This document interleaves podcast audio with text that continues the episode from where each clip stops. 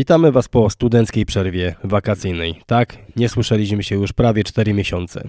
Ale cóż, nadrabiamy powoli zaległości. Zapraszamy Was na odcinek numer 19 Medyk Wojsk Specjalnych. Małe wytłumaczenie odnośnie podcastu. Nie uwzględnialiśmy tutaj pytań, które z Waszej strony padły pod adresem lekarzy. Nie chcieliśmy, aby nasi panowie wychodzili poza swoje kompetencje, więc jeżeli chodzi o nagranie odcinka z lekarzem, ten temat będzie musiał jeszcze troszeczkę poczekać. Podcast JWA. Dzisiaj moim i waszym gościem jest albo są żołnierze z grupy zabezpieczenia medycznego e, Marian i Misiek. Cześć. Dzień dobry. Cześć, witamy. Okej, okay, nie wiem, czy powinniśmy zacząć takim e, szablonowym pytaniem, ale długo trwało zanim znaleźliśmy się tutaj w tym pokoju, bo w sumie umawiałem się z wami ponad 3 miesiące. To też na pewno świadczy o tym, że jesteście dosyć mocno e, zapracowani. Ale może zaczniemy właśnie od takiej całkowicie może prywaty, a nie takich rzeczy, które mamy tu przygotowane, czyli ten szablon, który wam przed chwilą powiedziałem, to już go łamiemy. Misiek, jak rozpoczęła się twoja przygoda z medycyną? Czy najpierw była medycyna, a potem żołnierka, czy to było na odwrót? E, Może powiedzieć, że prawie jednoczasowo, znaczy na studiach, e, najpierw studia, w trakcie studiów już zacząłem powoli swoją przygodę z wojskiem, aczkolwiek zawodowo związałem się najpierw z ratownictwem medycznym. Najpierw pracowałem w cywilu jako medyk na zespołach ratownictwa medycznego i następnie e, chciałem no czegoś więcej doświadczyć, chciałem tego wojska troszkę poczuć i dalej poszedłem już, wstąpiłem do armii. Ile trwa taki proces y, znalezienia się w tym miejscu, w którym jesteś teraz? No myślę, że tyle ile trwał cały czas. E, trzy lata studiów, później służba w innej jednostce e, i no dokształcanie się, samodoskonalenie trwa cały czas, także tutaj nie wiem, czy da się coś przyspieszyć, po prostu swoje trzeba zrobić, swoje trzeba odpracować, odczekać i, i być w tym miejscu, w którym jestem. Okej, okay. Marian? Ja najpierw y, rozpocząłem służbę w piątym pułku chemicznym w Tarnowskich Górach i przyszedłem na kwalifikacje. Pani porucznik, e, psycholog zaproponowała mi etat e, na GZM-ie, więc e, nie miałem żadnego doświadczenia medycznego. Spełniłem wszystkie wymagania i już jak byłem na GZM-ie u nas w jednostce, dostałem propozycję, żeby, żeby iść na studia medyczne, dzięki mhm. czemu będę mógł awansować i realizować się jako medyk. Także jakby służba w JWA pozwoliła mi również na studiowanie na, na profilu medycznym. Udało mi się pogodzić jakby służbę razem ze studiami. Czyli studia normalnie w systemie trzy, trzyletnim? Trzyletnim, tak. To były studia zaoczne. Troszeczkę e, COVID e, pokrzyżował plany jakby toku Przedłuży. studiów. Przedłużyło to trochę, ale trzy lata studiów i, i teraz jestem medykiem, dzięki czemu też mogłem awansować. Hmm i ścieżka kariery jakby się otworzyła. Czyli, czyli idzie to kompatybilnie i chyba tak naprawdę ten, tymi odpowiedziami już wrzuciliśmy kilka odpowiedzi, które, albo zapytań, które były pod naszym postem, bo droga każdego z Was była inna. Natomiast powiedz mi, Marian, czy, bo ja pamiętam Cię z procesu selekcyjnego, o tym też sobie e, powiemy, natomiast czy przychodząc do JWA od razu byłeś skierowany właśnie na GZM, bo mówimy o pani porucznik, której już nie ma z nami, tak, tak. Ona jakby zaproponowała mi od razu etat na grupie zabezpieczenia medycznego, więc mi się e, jakby spodobał ten etat. Zrobiłem prawo jazdy C, KPP oraz yy, pozwolenie na pojazdy uprzywilejowane. I to mi otworzyło drogę tak naprawdę, żeby, żeby dostać się do, do GZM-u. Inaczej pewnie bym trafił na być może na zespół bojowy lub na zespół logistyczny. Mhm. Ale jakby gdzieś może czułem tą, tą tą chęć zostania medykiem i, i jakby to mi pozwoliło na, e, otworzyło drogę i wydaje mi się też, że e, jest możliwość pogodzenia studiów zaocznych razem z naszą służbą. Że wiadomo, jest sporo wyjazdów, ale dzięki temu, że też byłem od początku na GZM-ie, a w międzyczasie rozpocząłem studia, ta wiedza medyczna też pozwoliła mi łatwiej przejść przez ten tok studiów. Mhm. Wiesz, że zanim ty przeszedłeś do jednostki, albo inaczej, przeszedłeś do jednostki, to ja pierw słyszałem o gościu, który przejechał rowerem pół świata, a dopiero potem cię poznałem. Ale o tym pogadamy później, wyprzedzamy trochę fakty. Okej, to może w takim razie po kolei pierwsze pytanie. Mamy tutaj taki przygotowany draft. Mam nadzieję, że w jakiś sposób ten draft, który mamy Was, zadowoli. Oczywiście uzupełnimy cały ten wywiad o pytania, które Wy zadawaliście w komentarzach. Gdy coś ewentualnie jeszcze więcej nam urodzi, to wtedy zrobimy jakąś dogrywkę. Tak więc jedziemy. Kto może zostać medykiem wojsk specjalnych, chociaż po części już troszeczkę odpowiedzieliście. Czy no na pewno trzeba być żołnierzem Wojska Polskiego, także tutaj my, może w, we wcześniejszych podcastach był ten temat poruszany, jeżeli nie, to temat jest jakby do zapoznania się. Także trzeba być na pewno żołnierzem, e, żeby zostać medykiem. Ja rozumiem przez to zostanie ratownikiem medycznym, czyli osobą z wykształceniem medycznym. Trzeba ukończyć studia, to po pierwsze, armia no studiów na razie nie proponuje. Trzeba ukończyć studia w cywilu z ratownictwa medycznego i następnie przyjść na kwalifikacje i starać się o przyjęcie do nas. I tak jak wspomniałeś, te studia to są trzyletnie studia i one w systemie czy to dziennym, czy w zaocznym, tak? Tak, w jednym lub w drugim obojętnie. Mhm. Znaczy, Coś, tu się troszeczkę nie zgodzę, e, bo tak jak na moim przykładzie, ja najpierw e, rozpocząłem służbę w, grupie zabezpieczenia medycznego Mhm. i byłem na etacie kierowca-ratownik, czyli tu wystarczy nam KPP, e, prawo jazdy C oraz pozwolenie na pojazdy uprzywilejowane. W międzyczasie kończyłem studia i to mi dopiero pozwoliło wskoczyć na etat ratownika medycznego, czyli u nas na GZM są jakby dwa etaty, kierowca-ratownik oraz ratownik medyczny. Mhm. Żeby być ratownikiem medycznym trzeba skończyć studia. Czyli można pierw się zaczepić, ogólnie w GZM jako kierowca i dopiero potem y, w ramach studiów, które się ukończy, wskoczyć na etat typowo ratownika medycznego. No ale, bo właśnie pojawiła nam się tutaj pewna rozbieżność, bo ty Marian mówiłeś, że robiłeś studia w ramach wojska. To y, wojsko w jaki sposób płaciło za te studia, czy robiłeś to prywatnie? Y, jakby mój dowódca pozwolił mi na to, żeby rzadziej jeździć na poligony. Mhm. Y, płaciłem z własnych pieniędzy, ale miałem troszeczkę fory na, na, na studiowanie, na te jakby wo, wolne weekendy od wyjazdów, żebym mógł się jakby realizować na studiach. No ale dzięki temu też jakby jednostka zyskała ratownika Mhm. medycznego. Czyli tak naprawdę takie coś za coś. Ty płacisz z własnych pieniędzy, ale w jakiś sposób y, przełożony idzie ci na rękę? Dokładnie. po to, żebyś miał komfort y, ukończenia tych studiów. Y, Mamy tutaj takie pytanie, tutaj właśnie różnice. Ratownik pola walki, czyli w skrócie CLS, oraz y, ratownik medyczny, czyli combat, y, combat medic. Jakie są różnice pomiędzy tymi dwoma pojęciami, bo podejrzewam, że może to być często mylone. No różnice są znaczące, bo kurs Combat Life Saver to jest kurs, który trwa około 4-5 dni. Jest całkiem inne kompetencje nabywa, całkiem inne umiejętności, e, które są przeznaczone typowo na pole walki, żeby uratować tych żołnierzy, których możemy uratować, czy tam cywili, związanych głównie z obrażeniami ciała, jakie mogą się pojawić na naszej drodze jako żołnierzy. Ratownictwo medyczne to o wiele szerszy temat. To jest, no, właśnie tak jak mówiliśmy, tak, studia plus cały proces leczenia pacjentów z szerokim przekrojem e, ratowania życia.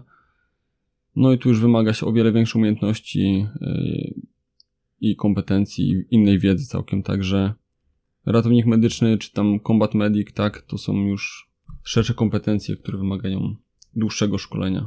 Inaczej, jedziecie także gdzieś, żeby nabyć uprawnienia instruktorskie do prowadzenia tych kursów w ramach potem prowadzenia y, obowiązków służbowych? Tak, y, na razie w Polsce jakby certyfikuje WCKMED w Łodzi, Wojskowe Centrum Kształcenia Medycznego. Y, No i tutaj w Centrum Szkolenia Wojsk Specjalnych też chłopaki pilnują, żebyśmy mieli certyfikatę na M tu. Mhm. Także w tym kierunku też szkolimy się na instruktorów i no, szkolimy naszych żołnierzy sami w ramach jednostki również. Dobrze, a jeżeli chodzi o CLS, bo z tego co teraz zauważam, to w ramach szkolenia bazowego ten CLS jest, jest praktykowany jak naj uważam, że to jest bardzo dobre. Mógłbyś coś delikatnie więcej przybliżyć, y, co ten kurs ma y, na celu, bo też rozmawiałem z chłopaki, którzy są po tym kursie i oni mówią, że słuchaj Grzesiek, ten kurs jest dobrze zrobić także dla siebie, dla swojej rodziny, bo nabywasz tam umiejętności, które ewentualnie pozwolą ci w sytuacji, w której y, będziesz się znajdował z dzieckiem, czy też z żoną, albo komukolwiek innemu coś się stanie, to nabędziesz tam umiejętności, które pozwolą ci zadziałać prawidłowo. Czyli fajnie, bo te umiejętności, których tutaj uczymy, można również wykorzystać e, w życiu codziennym. Tak naprawdę jest to taka rozszerzona troszkę pierwsza pomoc z naciskiem na e, obrażenia, na obrażenia. Mm, Chłopakom otwieramy oczy od tak naprawdę od razu. Fajnie to jest ten kurs zacząć mm, na wstępie szkolenia, żeby e, ta medycyna przewijała się przez cały ten kurs. No bo nie ukrywajmy, ci poszkodowani, ci nasi koledzy będą ranni prędzej czy później a fajnie jest mieć te umiejętności komuś to życie uratować, albo przynajmniej ulżyć mu w cierpieniu. I, no i chcemy ich tego nauczyć od samego początku. Na pewno medycyna, która jest e, wdrażana podczas bazówki, czyli ten kurs CLS-u, jest e, nam w stanie w cywilu pomóc o tyle, że łatwiej nam będzie podejmować e, konkretne decyzje, mniej się będziemy stresować w chwili, gdy ktoś z naszej rodziny e, dostanie urazu bądź będzie jakaś niekomfortowa sytuacja.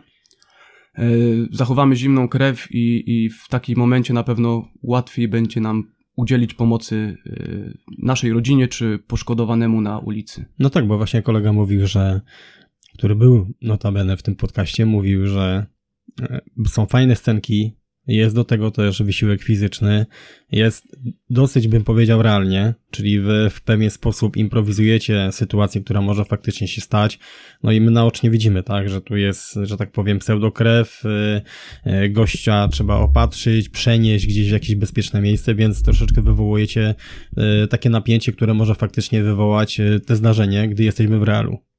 Tak, zgodnie z metodyką zaczynamy sobie od warunków, można powiedzieć, wręcz laboratoryjnych, takich czystych, e, żeby przekazać wiedzę, żeby nauczyć tego, jak się to robi na sucho, żeby te procedury były wykonywane w prawidłowy sposób.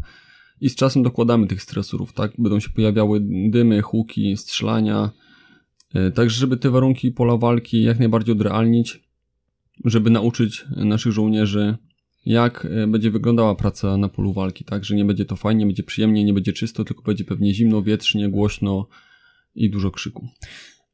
Okej, powiedziałeś tutaj o ważnych aspektach, czyli o tej całej psychologii, którą ratownik musi przejść i którą musi zgodnie z taką metodyką i doświadczeniem nabyć. Bo to też bierze się względem doświadczenia osób, które także was trenowały, z których wybierzecie przykład.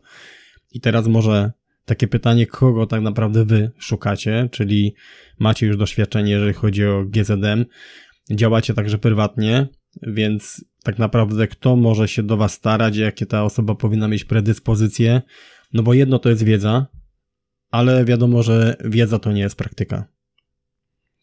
To ode mnie, no bo tutaj może Marian będzie miał troszkę inne spojrzenie na to. Dla mnie na pewno jest to człowiek, który chce z nami pracować, który jest gotowy podjąć nowe wyzwania i który chce się uczyć. Yy, Zaczynamy, mamy ludzi z różnym stażem, z róż, róż, różnym doświadczeniem. Yy, Szukamy kogoś, kto będzie chciał się rozwijać, kształcić w, tym zawodzie, zahaczać o ratownictwo pola walki, ale też mogą być to inne kursy, które będą potrzebne też w naszym zawodzie. E, Fajnie, jeżeli ktoś już ma doświadczenie w, doświadczenie w cywilu, nie ukrywam, czy będzie to zespół ratownictwa medycznego, czy będzie to SOR, czy będą to nawet oddziały takie jak oddział intensywnej terapii, tak, który też się może przydawać w związku z tym, co się dzieje za naszą granicą. Także ludzie z doświadczeniem są bardzo mile widziani, im bardziej zróżnicowany, tym lepiej, bo będziemy tworzyć bardziej kompletny zespół i będziemy mogli się wymieniać doświadczeniami w ramach naszej grupy. Marian? Oczywiście zgadzam się tutaj z, z Miśkiem.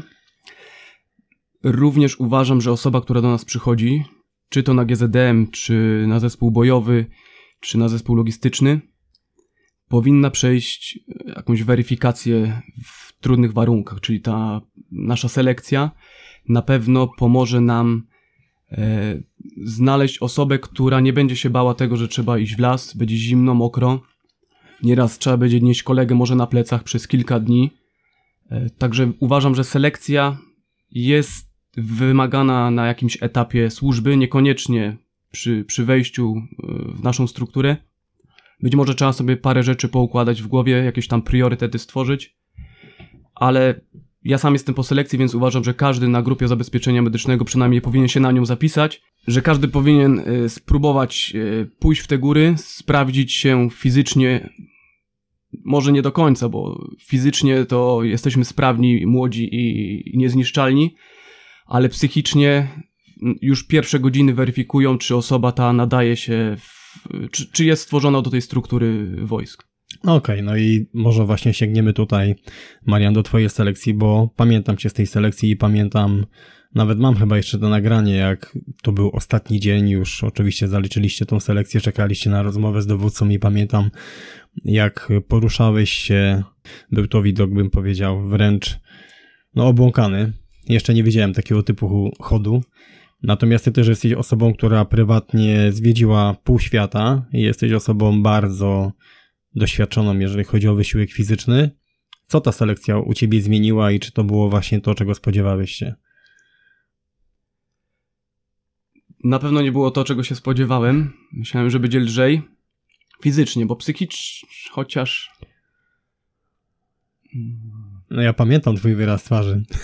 Fizycznie to było tragedia. No, ostatni dzień w głowie tylko miałem, żeby, żeby skończyć ten maraton, bo kolejny dzień to musiałbym się chyba tylko czołgać, żeby, żeby dojść do mety. Na szczęście moja selekcja kończyła się maratonem, więc e, jakby wiedziałem, że, że już jest koniec i, i już jestem bezpieczny. Aczkolwiek to też nie wiadomo do końca, e, czy, czy to, że skończyłem maraton, to też oznacza, czy, że, że zaliczyłem selekcję. No bo- tak, bo tą formułę zmieniamy, a rozmowa z Dokładnie. dowódcą jest priorytetowa, nie? Także selekcja na pewno pokazała mi, że jest jakaś granica w, w mojej psychice czy tam w fizyce, ale że można ją też jakby przesuwać jeszcze wyżej. Kolejnym etapem na pewno jest bazówka albo szkolenie SRC, które także pokazuje, że granice, czy to fizyczne, czy psychiczne, można jednak e, przekraczać i, i stać się silniejszym. Każdemu polecam przejść selekcję, albo przynajmniej spróbować, bo pokazuje to, ile jeszcze musimy nad sobą pracować. I nawet jeżeli odpadniemy pierwszego czy drugiego dnia, jeżeli jest w nas chęć walki, to podejdziemy do kolejnej selekcji. Jest taki przykład naszego kolegi tutaj, który podchodził trzy razy. Dwa razy odpadł na tej samej połoninie, za trzecim razem udało mu się e, pokonać własne słabości, no i teraz jest na bazówce. No. E, To jest właśnie ciekawe, że wiele sportowców i osób, które mają bardzo duże takie swoje doświadczenie fizyczne w różnych dyscyplinach sportu, okazuje się, że gdy jest wysiłek fizyczny poparty bardzo dużą presją psychiczną, to to bardzo dużo męczy. Wiesz, to jest tak samo, możesz opatrywać gościa y, w warunkach laboratoryjnych, ale to, co właśnie mówicie, jeżeli będzie to wykonywane w ramach jakiejś sytuacji bardzo silnego stresu, no to całkowicie człowiek inaczej reaguje, nie? To też jest fajnie, bo sami jakby wykorzystujecie, czy ty Marian wykorzystujesz te umiejętności e, w ramach szkolenia, no bo właśnie tutaj Misiek ma zaległości, tak, w tej kwestii. Tak, mam zaległości, ale tu Marian mocno dba o tym, o to, żebym nie zapomniał o tym. Jest, par, jest parcie na to. Także parcie jest, Jak, ale jak, jakieś terminy? no nie chcę zapeszać i myślę, że najpierw trzeba zrobić swoje, a później mówić tak, że niech wyniki zrobią robotę za nas, a mniej Okej. mówić, więcej robić. Będziemy, poinformujemy was na bieżąco, czy podołał temu, temu przedsięwzięciu. Wspomnieliście, że ta osoba też musi być troszeczkę z wami kompatybilna. Chodzi mi tutaj o kwestie psychiczne, psychologiczne, bo wiemy, że fizycznie jesteśmy w stanie każdego wyszkolić, jeżeli będzie miał ten, e, to, to coś. Natomiast zauważyliście, że ten flow, albo zauważyliście pewien typ ludzi, bo pracujecie także prywatnie na, na karetce, czy tam na sorze jeździcie, zdobywacie nowe doświadczenia i też z jednymi wam się lepiej pracuje, z innymi gorzej. Czy potrafilibyście powiedzieć takie dwie cechy charakteru y, osób, z którymi wy chcielibyście pracować? No to myślę, że ludzie z inicjatywą, e, ktoś, kto sobie szuka pracy, żeby nie było Mhm. kogoś, kto przyjdzie i będzie podpierał ściany, będzie czekał na rozkazy od nas. Szukamy kogoś, kto będzie wychodził z inicjatywą szkoleniową, e, zabezpieczenia, cokolwiek, tak? Ale kogoś, kto będzie wychodził przed szereg i chciał się wykazać. Także takie osoby na pewno ja bym bardzo docenił. Marian? To też widać na naszym przykładzie, e, jakby naszej grupy. Jest dużo zadań, które wykonujemy w ciągu miesiąca i już czasami jakby wchodzimy do jamy i mamy dosyć, ale wtedy na przykład Misiek mówi Marian, dawaj lecimy na trening. I jakby współpraca taka, że jeden ciągnie drugiego też jest ważna, bo Misiek tu powiedział, żeby każdy powinien sobie szukać pracy, znaleźć sobie jakieś zadanie, ale chodzi też o to, że jeżeli ja widzę, że, że Misiek ma dzisiaj doła, albo Misiek widzi, że Marian ma doła, bierzemy go za fraki, ciągniemy na, na siłownię czy na basen, żeby, żeby się wspomagać. Ta praca wymaga naprawdę dużo wysiłku psychicznego i fizycznego. Dodatkowo dochodzi stres, że zostawiamy naszą rodzinę na tydzień, dwa tygodnie. E, coś się dzieje takiego w domu, możemy liczyć na to, że Misiek podjedzie do mojej żony, zrobi jej zakupy, e, dzieciaki odbierze z przedszkola, przywiezie do domu i to naprawdę działa i pomaga psychicznie. Ty jesteś na granicy czy na poligonie, ale wiesz, że tutaj jest jakby anioł stróż, który, który pomoże tobie i twojej rodzinie w potrzebie. Czyli bliska relacja jest jak najbardziej potrzebna. Zdecydowanie tak. Czyli z kim przestajesz, takim się stajesz. Po części to nam się e, pokrywa, bo to, co powiedziałeś, e, Misiek, ja też bym powiedział, że jedną z najistotniejszych rzeczy, jeżeli chodzi o ludzi, którzy, którymi się otaczamy, otaczamy, jest to, aby szukać ludzi, którzy widzą szklankę zawsze do połowy pełną. Nie? Czyli zawsze mówią językiem rozwiązań, a nie językiem problemów. To jest chyba, uważam, jedna z najistotniejszych rzeczy i y, my też na selekcji przede wszystkim zwracamy na to uwagę i staramy się teraz w ramach szkolenia bazowego z chłopakami tak prowadzić zajęcia, aby kształtować w nich właśnie tą cechę. No okej, okay, teraz przejdziemy do takiej zwykłej rutyny.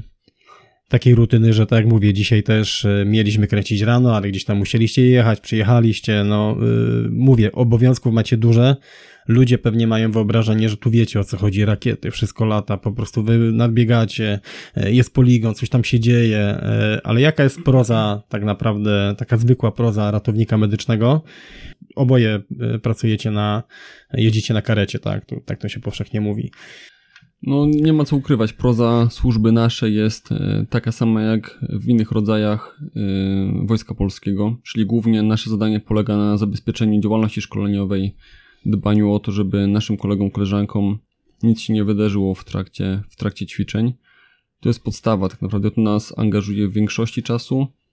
Mm, szkoleń zdecydowanie mniej, tak, ale to no ciężko, żeby codziennie się szkolić, a raz w tygodniu jechać na zabezpieczenie medyczne. Mhm. Także to jest to plus cała biała taktyka, która dotyka wszystkich w tym czasie. E, I tak to wygląda. Oczywiście, tak jak ja i Marian pracujemy w jednej ze stacji na Śląsku e, i to nam, nam bardzo pomaga w służbie, tak? Ponieważ tutaj nie ma co ukrywać, zdarzeń typowo medycznych, e, nagłych stanów jest no, mało, tak? Mało jest, są młodzi ludzie zdrowi w większości. Także urazowość też jest stosunkowo niewielka, bo chłopaki dobrze ćwiczą i jest bezpiecznie. Mm, w tym pogotowiu możemy sobie podziałać realnie, tak? Mamy realnych pacjentów, jest tych zdarzeń o wiele więcej.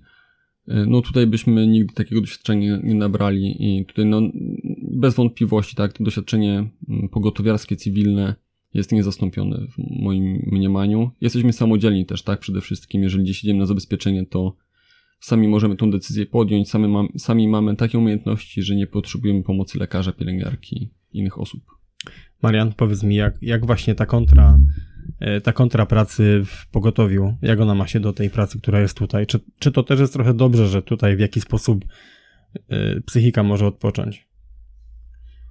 Z jednej strony na karetce odpoczywamy od MONu, a z drugiej strony w MONie odpoczywamy od karetki, mhm. więc jakby łączenie te, tych dwóch y, zawodów na pewno pomaga troszeczkę e, spuścić powietrze. Mm, Doświadczenie na karetce na pewno przydaje się przy jakichś właśnie tutaj, czy to urazach, czy zwykłych nawet przeziębieniach na poligonie. Oraz to, że wiem, że jeżeli pojadę z Miśkiem na jakieś strzelanie, na skoki spadochronowe, któremuś z chłopaków coś się stanie, to wiemy, bez słów możemy jakby działać przy, przy poszkodowanym. No ale to nam daje pracę na karetce. Mhm. Z drugiej strony, co wynosimy stąd na karetkę? No okej, okay, e, tylko tu to co powiedzieliśmy, nie jesteście tak samo żołnierzami, czyli e, no ta broń jest też przy was, tak? Czyli macie okazję i, i, też szlifować umiejętności, no typowo też pola walki i typowo umiejętności strzeleckie, czy też e, taktyki. Niektóre zespoły bojowe z naszej jednostki coraz bardziej nam ufają, więc mhm. jak są jakieś strzelania, biorą na, nas pod swoje skrzydła i pozwalają nam razem ze sobą strzelać, bo wiedzą, że właśnie na przykład czy Misiek, czy ja czy, czy paru jeszcze innych chłopaków ma tą zajawkę, że chcielibyśmy mhm. troszkę więcej taktyki w, wciągnąć w tą medycynę. No, droga w jednostce jest jedna, selekcja bazówka i, i wtedy stajesz się pełnoprawnym operatorem, w naszym przypadku operatorem medykiem. Nam jest ciężko pogodzić y, służbę, pracę na karetce, jednocześnie jakby szkolenie bazowe, nie jesteśmy w stanie tego pogodzić, więc staramy się jak tylko możemy, kiedy jest możliwość strzelać z chłopakami, uczestniczyć jakby w ich szkoleniu, czy to iść z nimi do lasu, czy polatać z nimi na śmigle, y, więc jeżeli są takie możliwości, jeżeli oni widzą, że my chcemy, to dołączamy się do nich i działamy razem. Ale pamiętajcie, że u mnie y, kwestia szkolenia górskiego jest ciągle otwarta, nie? Także zapraszam was ciągle do mnie na, na szkolenia górskie. Jak będzie wolny czas i pogodzimy to z naszymi obowiązkami, to jak Dyplom, najbardziej. Dyplomatyczna odpowiedź. Tak. Teraz y, słuchajcie, będzie sporo się tej zimy działo, także Także musimy Was tutaj jakoś zaangażować, bo e, mieliśmy kilka fajnych szkoleń, jeżeli chodzi o medycynę, szczególnie górską, no i podawanie e, wszystkich środków w warunkach górskich jest e, całkowicie inne, szczególnie gdy jest e, gościu odmrożony, gdy nie umie znaleźć żadnej żyły, no inaczej to wygląda niż tutaj na nizinach. Mam kolegę, który służy w innej jednostce wojsk specjalnych i tak się zdarzyło, że jest jeszcze ratownikiem topru. Także Mhm. bardzo fajnie, bo tak jak powiedziałeś, y, tam wiele sprzętów nawet zachowuje się bardzo inaczej, także ta weryfikacja, praca w środowisku y, niskiej temperatury, praca z pacjentem, który jest w hipotermii wygląda całkiem inaczej. Na pewno jest duże, ale też bardzo ciekawe wyzwanie. To jest ten kolega, który był na, także na narodowej wyprawie na K2 jako lekarz? Mm, Nie. Nie? Inny. Okej, inny. Ale to dobrze, to wiemy w takim razie, że w ramach y, naszych jednostek specjalnych mamy takich gości. Czy w ramach służby y, są takie organizacje, które mogą, czy takie szkolenia, które faktycznie mogą w jakiś sposób wzbogacić doświadczenie medyka wojsk specjalnych? Jak najbardziej. Y, Jest kilka ośrodków w Polsce, które szkolą ratowników medycznych. Od niedawna też powstało Centrum Szkolenia Wojsk Specjalnych. Y, Są instytucje w Warszawie również, które to robią.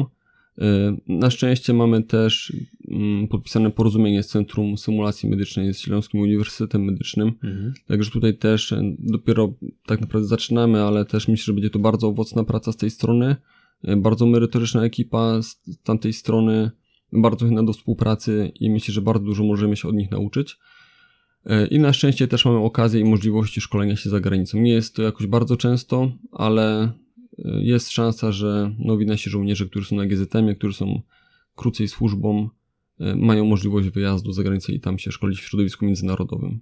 Załóżmy, że jesteście stażem pomiędzy 4 a 8 lat służby. Załóżmy, tak tutaj możemy to na potrzeby tego podcastu zaokrąglić. I teraz ja jestem operatorem, żołnierzem z 20-letnim stażem, natomiast przed wami jeszcze kawał roboty. Ale też macie wiele chęci, macie wiele zaangażowania. Jak mielibyśmy sobie teraz pofantazjować, to co jest potrzebne, żeby wzbogacić. Chodzi o to, żeby wzbogacić jakby doświadczenie i e, tą wiedzę fachową medyka wojsk specjalnych. To, co już się dzieje i to, co powinno już nastąpić, to jest opieka przedłużona na polu walki nad naszymi poszkodowanymi. My, jako ratownicy medyczni, e, no w swoim procesie kształcenia nie mamy takich rzeczy jak antybiotykoterapia, e, przytaczanie krwi i tak dalej. To są rzeczy, które powinniśmy opanować, aby naszego poszkodowanego utrzymać przy życiu jak najdłużej i w jak najlepszym stanie, tak naprawdę, żeby go przekazać później dla personelu lekarskiego, pielęgniarskiego. No tego brakuje i no troszkę powinniśmy przyspieszyć ten proces kształcenia e, na poziomie całych sił zbrojnych, tak Mhm. naprawdę. I tego brakuje. Sytuacja na Ukrainie pokazuje, że ci medycy są potrzebni, a nie ma takiej możliwości, że jeżeli konflikt się rozwinie u nas kiedyś, żebyśmy wyszkolili medyka nagle w tydzień czasu i puścili go na front. Ten etap jest dłuższy, no tak jak my kończyliśmy studia, to są 3 lata plus praca w, w cywilu, która nas jakby rozwija. Więc na pewno musimy bardziej walczyć o to, żebyśmy się mogli więcej szkolić tutaj u nas w jednostce. Y, Pomaga nam to, że jesteśmy młodzi, jurni i chętni do pracy i widzimy, że możemy, że zaczynamy przepychać fajne rzeczy, które pozwolą nam jakby robić dużo lepszą medycynę. No, no tak, pa, panowie, to jest też na takiej zasadzie, że my jako instruktorzy też musimy się odmładzać i też musimy w nasze szeregi wrzucać często młodych ludzi, bo wiecie jak to jest, nie? Jeżeli masz jakiś problem, to zawołaj kogoś, kto w ogóle nie jest z tym związany i daj mu go do rozwiązania i się okaże, że on go rozwiąże. I czasem ta młoda krew jest jak najbardziej pożądana. Dlatego też się pytam, bo wiecie, ktoś może przykładowo też czegoś nie wiedzieć, gdzieś tam e, troszeczkę wyżej, więc fajnie, jeżeli też mówimy o rzeczach, które pomogłyby lepszemu funkcjonowaniu no, tak naprawdę całemu wojsku, nie? bo to jest jakby kwestia, no widzimy teraz, że dosyć taka pilna, na, na, najważniejsza, nawet umiejętności każdego żołnierza, im one będą bogatsze, no tym lepiej będziemy mogli zachować się w sytuacji stresowej i jeżeli cokolwiek się stanie naszemu koledze. To mówił Misiek. To mówi Misiek. To, to nie mówił Marian, to mówił Misiek. E, Okej, a chcielibyśmy teraz troszeczkę przybliżyć Was jako ludzi, bo to, co mówimy, każdy z Was ma swoje pasje, więc mówimy tu o pracy, praca pracą, ale teraz kwestia jakby was jako ludzi. Misiek, ty w wolnym czasie, co sprawia, że robisz całkowity reset głowy? Różne rzeczy. Nie, nie mam jakiejś jednej pasji, której bym się tylko trzymał. Lubię, lubię próbować na pewno nowych rzeczy. Czyli no, nowe E, chipsy, nowy smak Tak, chipsu nie, na przykład. raczej, raczej na zdrowo. Także na pewno jakieś sporty różne. W tym roku pierwszy raz gdzieś tam słup, e, bieganko, wiadomo, drążki, siłownia. Także tutaj sportowo jak najbardziej. Czasem w wolnym czasie wspinaczka, jak jest z kim, jak Maryn ma czas wolny, bo często nie ma. E, No i też motocykl oczywiście. Na razie w trakcie naprawy, ale, ale jest A- ale jeżdżone. Czy to oznacza, że był ślizg? Nie, na szczęście nie Nie? było jeszcze. E, Jeżdżę, staram, staram się ostrożnie. Jestem ratownikiem medycznym, także wiem, co się może No wydarzyć. dobra, dobra, nie takie rzeczy. E, Kolegów, którzy mieli wcześniej podcast, nie doganiam, także tam są większe wariaty na zespołach. Dobra, a powiedz, y, jaka marka? Yamaha XJ6. XJD6. Spokojny motocykl. Spokojny. No, ja już moje czasy R1 minęły, także przymierzam się do czegoś spokojnego. Ja już chyba jakiś coffee, coffee race y, w moim granicę wchodzi. Ale, czyli co, jak siadasz na motor, odpalasz, Tak, to, no to mój coś- świat, tak, mój świat. E, także wtedy to jest mój moment resetu. No ale też nie ukrywam, dla mnie moment resetu jest praca w pogotowiu, tak, gdzie skupiam Mhm. się typowo na pracy z pacjentem i tutaj swoje myślenie i swoją adrenalinę mogę jakby poczuć też, tak, przy, przy tej pracy. No i czas z kobietą. Także też myślę, że to fajny czas wyjść do teatru raz na jakiś czas i, i znalezienie czegoś innego dla siebie. Jak najbardziej również. Okej, to jak już jesteś przy mikrofonie, bo wiadomo, jest cięcie kosztów i mamy tylko dwa mikrofony, więc przesuwamy go z lewa do prawej. E, powiedziałeś, że praca też dostarcza ci adrenaliny. Czy jest taki przypadek z pogotowia, który tak dosyć mocno wywarł na tobie takie wrażenie? Nie wiem, to był moment, że musiałeś jakoś zareagować, że chciałeś się wtedy sprawdzić, albo że czułeś wtedy, że faktycznie sprawdzasz jakby swoje umiejętności i psychiczny skill. Ja mam wrażenie, że na każdym dyżurze jako kierownik zespołu to się troszkę sprawdzam, bo nigdy nie wiem, co na tableta przyjdzie. Ale mam takie fajne doświadczenia, w sensie nie coś, co by mnie męczyło po nocach, Mhm. ale doświadczenie jeszcze to było przed wojskiem, y, kilka dobrych lat temu, gdzie opaski uciskowe nie były codziennością w pogotowiu i w ogóle ich nie było, tylko na szczęście kolega miał prywatną, gdzie pojechaliśmy na kopalnię i y, nasz pacjent miał oderwaną kończynę górną, na której zostało, nie wiem, z 5, może 10 centymetrów, około 10 centy- centymetrów powiedzmy, kończyny górnej. Mhm. Także bardzo fajne działanie. Ja tą opaskę zakładałem, a kolega poszedł szukać ręki, y, którą później wzięliśmy ze sobą celem przyszycia, aczkolwiek no nie udało się, ale pacjent fajnie, bo przeżył w całkiem dobrym stanie. Także takie najciekawsze, może nie najgorsze, ale najciekawsze doświadczenie, które sobie często fajnie wspominam. No i też wspominam o tym na szkoleniach, także te rzeczy, których uczymy są przydatne, to co mówiliśmy na początku, również w cywilu, nie? Jest to poparte tym, co widzieliście. No nie ma nic bardziej cennego jak instruktor, który opowiada o danych kwestiach i potrafi przytoczyć przykład. Tak. Marian, yy, pierwsze pytanie, czyli co ciebie luzuje, bo popraw mnie, ale ostatnio, ostatnio, gdy rozmawialiśmy, powiedziałeś, że byłeś w bazie pod Everestem. No, to też było parę lat przed wojskiem. W 2015 roku z żoną postanowiliśmy wyjechać rowerami z Polski do Australii. Co prawda do Australii nie udało się dojechać, dojechaliśmy tylko do Tajlandii. Podróż trwała 3 lata. I w międzyczasie też zwiedziliśmy Nepal. Byliśmy tam dwa miesiące, trzy trekkingi, jeden właśnie pod bazę pod Everestem. Wtedy jeszcze nie myślałem kompletnie o wojsku jakby, tylko jakby o podróżach. Myślałem, że, że to będziemy robić do końca życia, ale przyszedł okres, że trzeba było wrócić do domu i, i założyć to gniazdko. A gdzieś to wojsko zawsze było w głowie, bo tata był wojskowym, ktoś tam w rodzinie też, więc jakby wojsko cały czas było w głowie. Czyli, czyli wiadomo, że wszechobecny trekking, można powiedzieć, i aktywności na zewnątrz, to są takie rzeczy, które cię luzują, ale powiedziałeś, to było już dawno, a teraz jest coś takiego, co wpływa na to, że ty się luzujesz? Są też plany, żeby kupić kampera, pozwiedzać trochę świat z nimi, zobaczymy, czy to się jakby, jakby uda, czy pogodzimy to z pracą. Ale na pewno chcemy zasiać to takie ziarenko małe, które kiedyś tam wykiełkuje, powie tata, chodź ze mną, pojedziemy do Nepalu, pokaż mi tą, tą bazę pod Everestem, albo pokaż mi mur chiński, na którym spałeś. Także mam nadzieję, że, że jakby y, załapią bakcyla i będziemy razem jakby Na pewno. zwiedzać świat. Na pewno, to nie ma innej kwestii.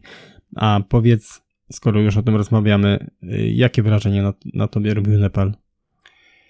Y, pod względem. W Nepalu byliśmy y, stricte na, treki- na trekkingu, y, więc nie mieliśmy tam ze sobą rowerów. Jeżeli chodzi o rowerowy kraj, najpiękniejszy moim zdaniem to jest Kirgistan i Tadżykistan, Mhm. czyli tak naprawdę góry Hindukusz. A Nepal, no jak idzie się tym trekkingiem, trekking pod bazę pod Everestem jest podobny jakby wchodzić na Babią Górę, czyli jest ścieżka wydeptana, którą idzie mnóstwo sposób się nie turystów. zgubić. Do, dokładnie. Ale to, że otaczają cię ośmiotysięczniki, że robisz dwa kroki i zastanawiasz się, dlaczego tak y, ciężko się idzie, tak ciężko się oddycha, no to robi wrażenie. nie? I można całkowicie odpłynąć, rozglądać się dookoła, jesteś pochłonięty tym Nepalem. I cały czas w głowie masz te ich śpiewane mantry buddyjskie. modlitewne Dokładnie. e, chusty, które są. Także ja już też może wykorzystam, bo wiem, że dowódca będzie cenzurował ten podcast. Także dowódcy, ja tutaj wnoszę akcję za to, żeby tych dwóch gości przytulić na szkolenia górskie. E, No, myślę, że dowódca tutaj da approve. E, A jeżeli chodzi o jeżdżenie na karetce, czy było, na pewno coś takiego było, czy było coś takiego, co wywarło na tobie właśnie takie duże wrażenie? Czułeś, że się sprawdzasz? Ja od niedawna jeżdżę na karetce, bo kończyłem te studia i, i od roku tak naprawdę mm, zacząłem jeździć. Jeszcze jako kierowca, póki co nie czuję się, żeby wskoczyć na kierownika. Mhm. Nie mam takiego doświadczenia jak, jak Misiek. Mm. No dzisiaj na przykład miałem nockę i ostatni wyjazd było do NZK, gdzie niestety no, nie udało nam się uratować pani, ale to też ze względów na to, że była dosyć mocno schorowana Mhm. i jakby tamtej robocie widzimy jakby sens tej pracy, że ona naprawdę pomaga. Nawet jeżeli idziemy do, o drugiej w nocy do pani Aurelii, żeby zbić jej ciśnienie, to widzimy później uśmiech na ustach pani Aurelii i chcemy to też przenieść trochę tutaj, w, jakby w, w tą strukturę, żeby nawet jakieś y, małe potknięcia czy, y, czy trudne sprawy mm, obracać tak, żeby było nam łatwiej pracować, żeby było przyjemnie. Wiadomo, ta praca w MONie, służba w MONie nie jest łatwa. Y, Jest wyczerpująca psychicznie, fizycznie, ale staramy się jakby cały czas patrzeć pozytywnie. Uczy nas tego na pewno pogotowie, że nie warto się jakby przejmować błahymi sprawami, bo Życie jest ulotne. dokładnie. No, dobre to było. Będę musiał to wykorzystać na shorta. E, Dobrze, porozmawiajmy jeszcze chwilę o zawodach, bo to jest fajnie, że jesteście w stanie, inaczej, wy cały czas weryfikujecie swoją wiedzę, natomiast ostatnio braliście udział w zawodach, gdzie zajęliście jako team trzecie miejsce. Tak. E, Może powiecie nam coś bliżej, bo uważam, że ta forma e, takiej rywalizacji też w jakiś sposób pokazuje, w którym miejscu wy jesteście jako medycy. Tak, bardzo cieszymy, cieszymy się, że w ogóle dostaliśmy zaproszenie na zawody, także jak zobaczyliśmy, że jest taka możliwość, to jednogłośnie podjęliśmy decyzję, że jedziemy, jedziemy po zwycięstwo, e, żeby sprawdzić też swoje umiejętności, żeby się sprawdzić w boju, bo to, że sobie możemy wyobrażać swoje umiejętności takie, jakie one są, to może być tylko i wyłącznie nasze wyobrażenie, ale póki tego nie zweryfikujemy, to, to tylko nam się wydaje, tak? Także pojechaliśmy zweryfikować swoje umiejętności, myślę, że z takim przyzwoitym e, wynikiem. Moje pierwsze... Ile, tak ile było ekip? 16 ekip. 16 ekip. E, moje pierwsze zawody, także też fajnie. Mariana też. Jeszcze był z nami jeden żołnierz z GZM-u, który już tu doświadczenie miał. E, znaczy był na jednych zawodach, także może powiedzieć, że trochę większe. Ale na pewno bardzo fajne doświadczenie, żeby przećwiczyć to. I w ciągu jednego dnia dużo scenariuszy. Także fajnie, bo ciężko byłoby nam e, tutaj takie warunki sobie stworzyć, żeby tak dobrze to wszystko przećwiczyć, sprawdzić sprzęt, sprawdzić siebie, sprawdzić naszą współpracę, komunikację w zespole i tak dalej. Okej, Marian, możesz nam coś powiedzieć y, o tych zawodach w sensie takim, jakaś scenka, która tam była i co musieliście wykonać?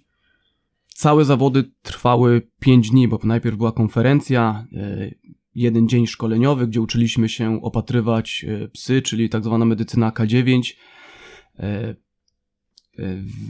Uczyliśmy się również e, jakby za, małych zabiegów chirurgicznych, które później również były wykorzystywane podta- podczas tych scenek.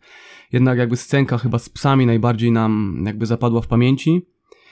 E, Robiliśmy patrol razem z, z instruktorem e, K9. Nagle mina pułapka wybuchła, pies Mhm. został ranny. Musieliśmy go szybko opatrzyć. Udało się to, nagle okazało się, że gdzieś nad nami lata dron i medawac, który miał e, nas podebrać, został trafiony e, pociskiem i nagle jakby opatrzony pies zszedł na, Mhm. na drugi plan, bo nagle mieliśmy trzech rannych żołnierzy i każdy z nas poszedł do osobnego żo- rannego żołnierza i każdy musiał się e, wykazać swoim doświadczeniem, swoim sprytem, z małą ilością sprzętu medycznego, bo mu- musieliśmy nagle rozdzielić go na trzy osoby. E, Czyli totalna improwizacja. Dokładnie, nie byliśmy w ogóle. Scenka miała polegać na tym, że pom- pomagamy e, psiakowi. Okazało się, że jeszcze mamy trzech rannych ludzi i uważam, że poradziliśmy sobie bardzo dobrze, bo jakby wydaje mi się, że to doświadczenie z karetki też dużo pomogło na takiej pracy trochę indywidualnej. Każdy wiedział, co ma robić. E, Ja w międzyczasie krzyczałem do Miśka, Misiek, Mhm. podaj mi e, dawkę ketaminy, bo kompletnie wypadło mi to z głowy. Misiek, badając swojego pacjenta, krzyczy mi, podaj tyle i tyle. W międzyczasie e, kolejny kolega wszedł do Rosomaka, stamtąd wyciągał ranną e, Osobę. osobę, więc naprawdę bardzo fajna scenka, która dała nam dużo do myślenia, gdzie jeszcze musimy jakby popracować, żeby, żeby było lepiej, żeby sprawniej pomagać jakby w takich sytuacjach. Tak, ale to tak jak mówicie, to wysoki indywidualny skill sprawia, że potem, gdy musicie działać grupowo i jest scenariusz podszyty drugim scenariuszem, to i tak działacie indywidualnie, ale jak grupa. Ja, ja cały czas mówię, że w tym całym szkoleniu wojsk specjalnych oczywiście bardzo ważne jest działanie grupowe, bo ono w jakiś sposób jest takim uwieńczeniem, natomiast to indywidualny, wysoki poziom wyszkolenia każdego żołnierza będzie świadczył o tym, jak dobra będzie grupa. No, ale to się też bierze z tego, że tak jak mówiliście, spędzacie z tego co widzę dużo czasu nie tylko w pracy, ale i poza. Także teraz seria pytań i bardzo fajnie dziękujemy Wam za to, że e, napisaliście w komentarzach pytania, bo to też pokazuje nam, nam czym Wy się interesujecie, co Was w tej e, kwestii interesuje najbardziej. Jestem przekonany, że pewnie na wiele pytań już odpowiedzieliśmy. Jeżeli chodzi o pytania stricte do lekarzy, no to nie będziemy tutaj ich podejmować z tego względu, że no tutaj e, chłopaki nie są do tego, bym powiedział, predysponowani, ale myślę, że jakiś przyszłościowo podcast z lekarzem też będzie wchodził w grę. Okej, więc wy też macie te komentarze przed sobą. Okej, czyli mamy tu Pietrzakowy 44, czy osoba bez wykształcenia medycznego ma szansę na GZM? No to tutaj Marian. Żeby dostać się na grupę zabezpieczenia medycznego, trzeba mieć przynajmniej podstawową e, wiedzę medyczną, czyli kwalifikowaną, e, kurs kwalifikowanej pierwszej pomocy. To ci otwiera drogę tak naprawdę, żeby dostać się do, do jednostki, do struktury GZM-u. I to ty tak naprawdę zdecydujesz, czy rozwijasz się dalej w medycynę, czyli idziesz na studia rato, ratownictwa medycznego, czy po prostu kończysz na, Mhm. na tym etapie i jesteś kierowcą. Czego my byśmy nie chcieli, bo my chcemy mieć samych ratowników medycznych, którzy również mogą być kierowcami. No tak, to jest, to jest najlepsze. E, Jakich leków używają Zbigniew GR? Jakich leków używają medycy GZM, które wykraczają poza ustawowy katalog leków? Yy, No nie używamy za bardzo, ewentualnie to co rekomenduje TC3, ale skupiamy się generalnie na tym katalogu leków, które są, plus jakieś tam przeciwgorączkowe, typu na ból gardła, takie rzeczy, które są typowo stosowane przy jakichś infekcjach Mhm. drobnych, ewentualnie coś na zlecenie lekarza. Okej, tu Zbigniew też napisał, y, czy są praktykowane aspekty przetaczania krwi? Zapytanie, które jak wiadomo polski ratownik medyczny nie ma w uprawnieniach i na to już też odpowiedzieliście wcześniej, że fajnie, gdyby w przyszłości coś takiego, taka możliwość się pojawiła. Powiem tak, w Wojsku Polskim też nie ma takiej procedury i Wojsko Polskie nie uczy takich rzeczy, aczkolwiek my w jednostce, może powiedzieć, i za granicą też się szkolimy w tym kierunku. No, a, a powiedzcie, jeżeli chodzi o, czy to jest praktykowane właśnie przykładowo w Stanach? Jest, jest. Jest.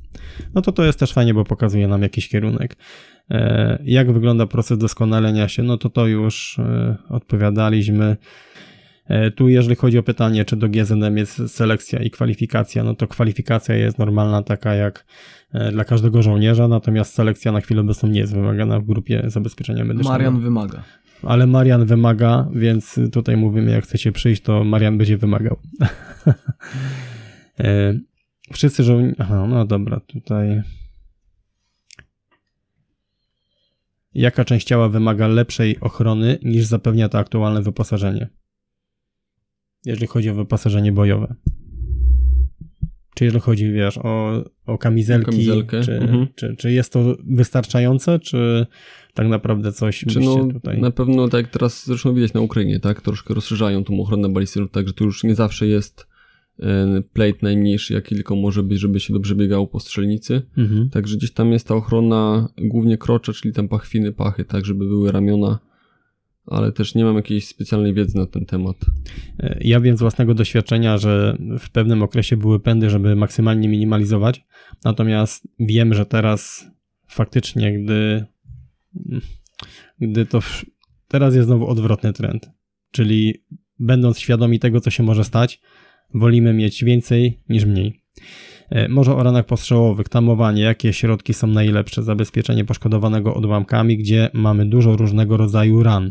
Co warto mieć przy sobie oprócz kata na służbie, nie będąc stricte medykiem? Co można zrobić w przypadku rannego K9, gdy opiekun jest niedostępny?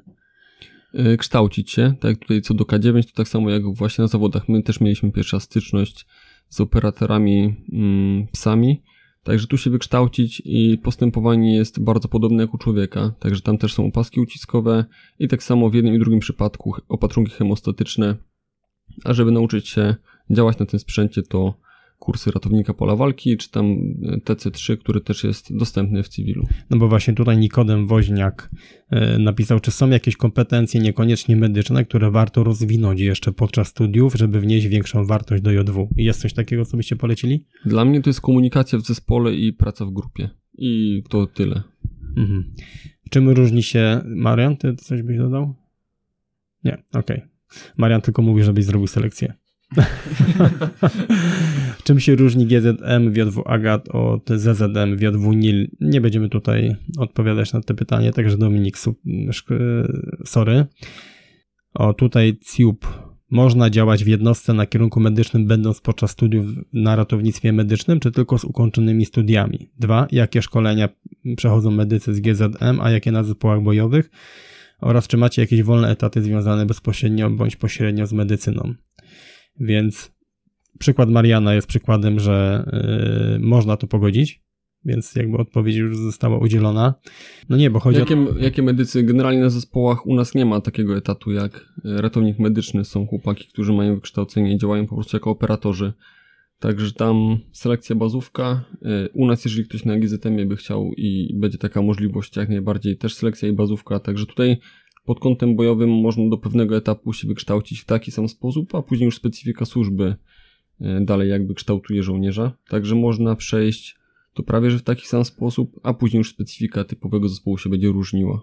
Y, Też z doświadczenia wiem, y, że są osoby, które są na zespołach i które też są ratownikami medycznymi i akurat oni poszli troszeczkę w innym kierunku, też jeżdżą na karetkach, więc y, no się to wszystko pogodzić. Tutaj Tomek widzę dużo wrzucił pytań, ale tam kwestie zarobków to nie będziemy, nie będziemy tutaj poruszać, bo przecież wiadomo, że my, przecież wiadomo, że my wszyscy jesteśmy tutaj z powołania, tylko i wyłącznie. Misiek, coś ci się tutaj jeszcze rzuca? Tutaj jeszcze Cube'owi chciałbym odpowiedzieć, czy mamy jakieś wolne etaty. Powiem tak, jak ktoś teraz ma w głowie i zastanawia się, to radziłbym dzisiaj wypełnić ankietę i jutro ją wysłać, bo y, będzie chętnych dużo, jest chętnych dużo, także nie ma co czekać, tylko brać się do roboty. Robi się ciasno. No, robi się ciasno, czyli, czyli to akurat dobrze. E, Czy żołnierze z GZM też wykonują skoki spadochronowe? Na GZM-ie nie ma obowiązku e, jakby skakania, nasze etaty nie są skaczące, ale jeżeli ktoś ma taką potrzebę, taką chęć, pisze wniosek do dowódcy, dowódca zazwyczaj A że dowódca lubi skakać, tak, to, wyraża zgodę, no i można zostać PJ-em. to jest dobre. Czy kursy i nabyte kwalifikacje w jednostce przekładają się na większe możliwości w cywilnym ratownictwie? No to chyba odpowiedzieliśmy, że to wszystko jest kombo. Trochę kombo, nie wszystkie umiejętności, które tutaj nabywamy, możemy stosować w cywilu, bo nas też ograniczają pewne rozporządzenia, ustawy jako ratowników medycznych, także nie zawsze będzie miało to wpływ taki formalny, ale wiedzy nigdy za wiele.